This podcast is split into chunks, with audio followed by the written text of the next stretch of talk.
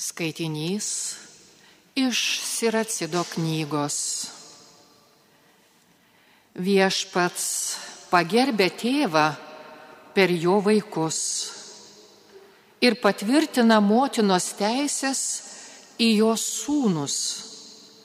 Kas gerbė savo tėvą, atsilygina už nuodėmės, kas gerbė savo motiną, kraunasi lobi. Kas gerbė savo tėvą, džiaugsis savo vaikais ir kai melsis, jis bus išklausytas. Kas gerbė tėvą, ilgai gyvens. Paklūsta viešpačiui, nes neša paguoda savo motinai. Mano vaikė, rūpinkis savo tėvo jo senatvėje, neužduok jam širdies per visą gyvenimą. Net jeigu jam ir protas susilpnėtų, būk jam kantrus, nepaniekink jo, būdamas pilnas jėgų. Juk gerumas tėvui nebus užmirštas, jis tarnaus kaip pat naša už nuodėmę. Įleis ištekančią šaknį. Tai Dievo žodis. Mėlyjei psalmės priegesmį gėdokime visi kartu. Laimingi, kurie pagarbiai viešpaties bijo ir laikosi jo kelio. Laimingi, kurie pagarbiai viešpaties bijo ir laikosi jo kelio. Laimingas, kuris pagarbiai viešpaties bijo ir laikosi jo kelio, savo triūso vaisiais maitinsies, laimė ir sėkmę patirsi. Laimingi, kurie pagarbiai viešpaties bijo ir laikosi jo kelio. Tavo žmona bus kaip vynmedis vaisingas, namų židinyje sulapojas o vaikai lyg vynmedžio atžalos aplink tavo stalą. Laimingi, kurie pagarbiai viešpaties bijo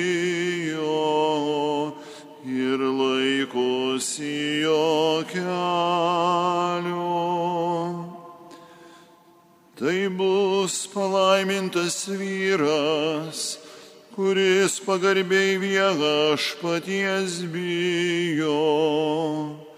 Te laimina viešpats tave iš Siono, Jeruzalės klėstėjimą patirki kiekvieną savo gyvenimo dieną.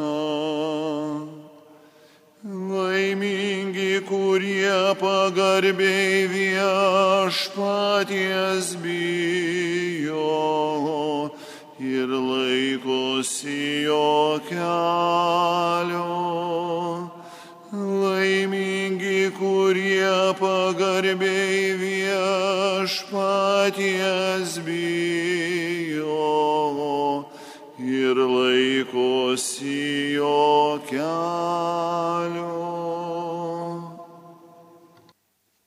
Skaitinys iš Šventojo Paštalo Pauliaus laiško kolosiečiams. Broliai ir seserys, Jūs, Dievo išrinktieji, šventieji ir numylėtiniai, apsivilkite nuo širdžių gailestingumu, gerumu, nuolankumu, romumu ir kantrumu. Būkite vieni kitiems pakantus ir atleiskite vieni kitiems, jei vienas prieš kitą turite skundą. Kaip viešpats jums atleido, taip ir jūs atleiskite. Viršum viso šito te būna meilė, kuri yra tobulumo raištis. Jūsų širdise te viešpatauja Kristaus ramybė, į kurią esate pašaukti viename kūne. Būkite dėkingi. Kristaus žodis te gyvoja jumise vaisingai. Mokykite ir ragykite vieni kitus visokiojopai išmintimi, su dėkinga širdimi gėdokite Dievui psalmes, himnus ir dvasinės gesmes. Ir visa, ką tik darytumėte žodžiu ar darbu, visą darykite viešpaties Jėzaus vardu, per jį dėkodami Dievui tėvui. Jūs, žmonos, būkite klusnios vyrams, kaip dera viešpatyje. O jūs, vyrai, mylėkite savo žmonas ir nebūkite joms širkštus. Jūs, vaikai, visuose dalykuose darykite savo tėvų, nes toks klusnumas patinka viešpačiai. O jūs, tėvai, neerzikite savo vaikų, kad jie nepasidarytų baukštus. Tai Dievo žodis. Dėkojame Dievui. Visi kartu gėdokime. Aleliuja, aleliuja, aleliuja,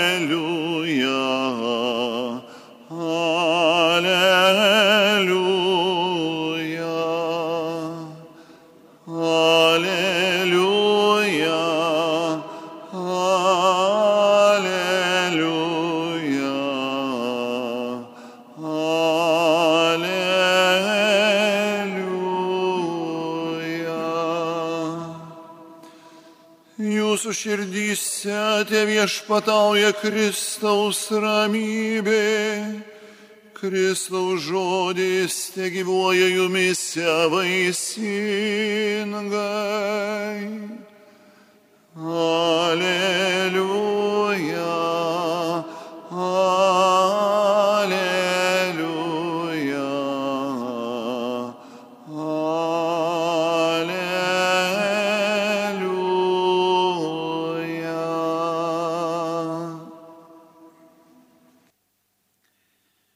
Viešpats su jumis.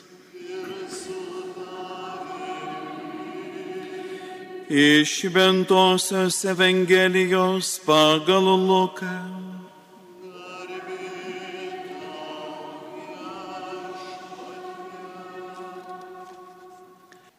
Pasibaigus Mozės įstatymo nustatytoms apsivalymo dienoms, Juozapas ir Marija nunešė kūdikį į Jeruzalę paukoti viešpačiui, kaip parašyta viešpaties įstatymę. Kiekvienas pirmgimis berniukas bus pašvestas viešpačiui ir duoti auką, kaip pasakyta, viešpaties įstatymę - porą purplelių arba du balandžiukus. Jeruzalėje gyveno žmogus vardu Simeonas. Jis buvo teisus ir dievo baimingas vyras, laukiantis Izraelio paguodos. Ir šventoji dvasia buvo su juo. Jam buvo šventosios dvasios apreikšta, kad jis nemirsęs, kol pamatysęs viešpaties mesiją.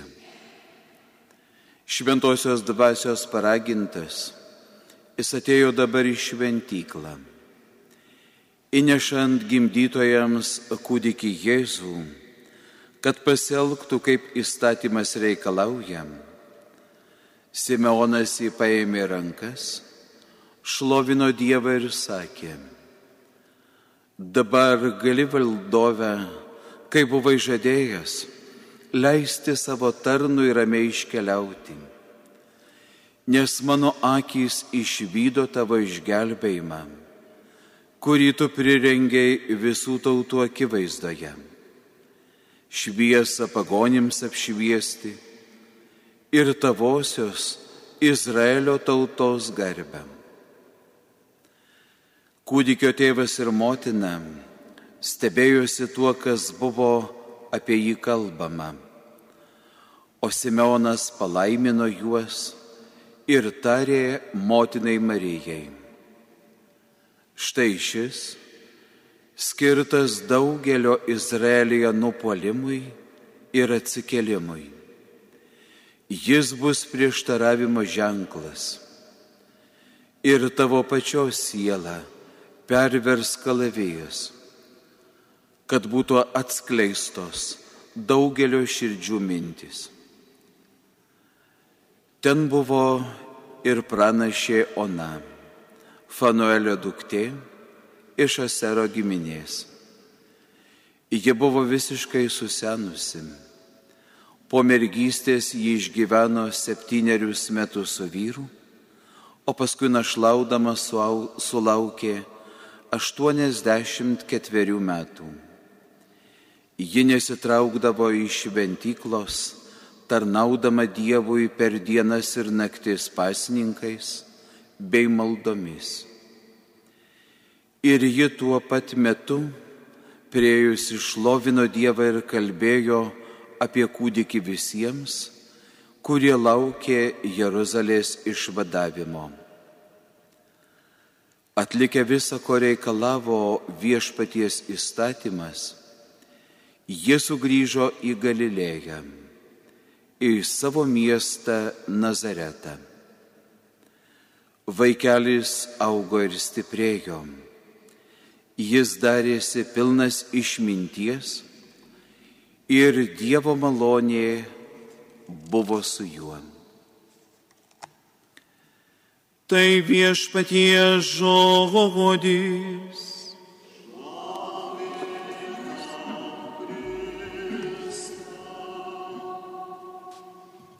Brangus broliai seserys, su nepaprastu džiaugsmu šiandien katalikiškasis pasaulis prisimena šventąją šeimą.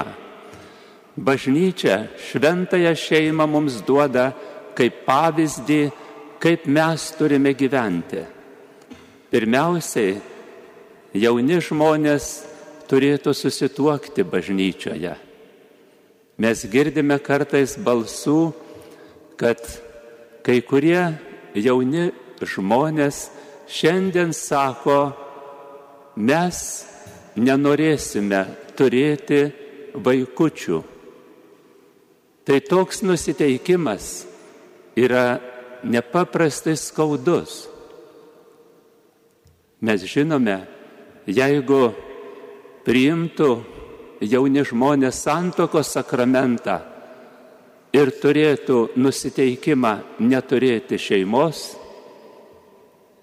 ši santoka yra negaliojanti. Labai svarbu žvelgti į šventąją šeimą ir žiūrėti, kaip Marija ir Juozapas laikėsi įstatymo, kaip jie viską ištikimai pildė. Todėl ir mes, ypatingai jauni žmonės, turime žvelgti į Dievo valią, į jo troškimus ir ištikimai pildyti tai, ko nori Dievas. Juk į šeimą ateiname ne malonumui, bet Dievo valios vykdymui. Ir turėtume gyventi ne taip, kaip mes norime, bet kokia yra Dievo valia. Todėl šiandien mes mokomės Nazareto mokykloje. kartu su dangiškąja motina Marija, kuri klausėsi ir dėmėjosi visus tuos dalykus savo širdyje. Kaip svarbu, kad mes klausytume gyvendami šeimoje viešpatės balso. O Nazareto mokykloje mes turime mokytis kiekvieną dieną. Ir čia pagrindinis vadovėlis yra šventasis raštas, Evangelijos žodžiai, kurie turėtų būti atversti visą dieną. Aš visoms katalikiškoms šeimoms rekomenduoju įsigyti Evangeliją kasdien, kad ji kalbėtų mums visą dieną. Kiekvieną savaitės dieną mums turi kalbėti Jėzus. Ir jeigu Evangelija yra atversta tą dieną ir netgi iliustruota nuotraukomis iš šventos žemės, kurioje šiandien vyksta karai ir nesantaikos, nežinome, ką mes matysime ateityje, tai šios nuotraukos mus primena tą žemę, kurioje Kristus gimė, kentėjo, mirė ir nugalėjo mirtį, prisikeldamas ir visiems nušviesdamas amžino gyvenimo tikrovę. Ir jeigu mes iš ryto perskaitome šią Evangeliją ir stengiamės gyventi jos mintimis, o vakare su visais vaikučiais aptarėme, ką mums Jėzus sako, tuomet šeimoje vadovauja ne kažkas, ne pasaulio dvasia, bet šeimai vadovauja Jėzus. Jisai kalba mums, jisai mums nurodo, kaip gyventi. Ir tada šeima tampa mažąją šventovę. Kaip gera tada, vaikučius auklėja ne kažkas, ne pasaulio dvasia, ne internetinė dvasia, bet juos auklėja pats Jėzus, kuris moko, kaip mes turime gyventi. O kiek daug išminties šventajame rašte. Šiandien mes girdėjome, kokia pagarba turi būti tėveliui, mamai, kaip mes turime nuoširdžiai vienas kitą gerbti, saugoti, branginti. Tik tada yra labai gera gyventi. O jeigu šeimoje vyksta karai, nesantaikos, Šiandien per žiniasklaidą kalba, kad jau įvairiausių pasikesinimų šeimą šiais metais buvo dvigubai daugiau negu pernai. Įvairiausių dalykų šeimoje, kuomet vyksta nesantaika, įvairiausi privartavimai ir skaudus dalykai šeimų gyvenime. Visai tai rodo, kad dar nepasiekė žmonių Evangelijos džiaugsmas, kad žmonės kažkuo užsijėmė, bet negirdi to, kuris atėjo į mūsų pasaulį menkų kūdikiu ir pravirko. Jis nori, kad mes žinotume, kas mums atneša ramybę, kad mums dovanoja džiaugsmą, kas pripildo mūsų širdis tikrojo gyvenimo. Juk Jėzus ir sako, aš atėjau, kad jūs turėtumėte gyvenimo ir apščiai jo turėtumėte. Dar daugiau, aš atėjau, kad jūs turėtumėte džiaugsmo ir jūsų džiaugsmui nieko netruktų. Kaip gera gyventi šeimoje. Antroji pamoka, kuri labai svarbi mūsų šeimų gyvenimuose yra pajutimas šeimos bendrystės, šeimos laimės.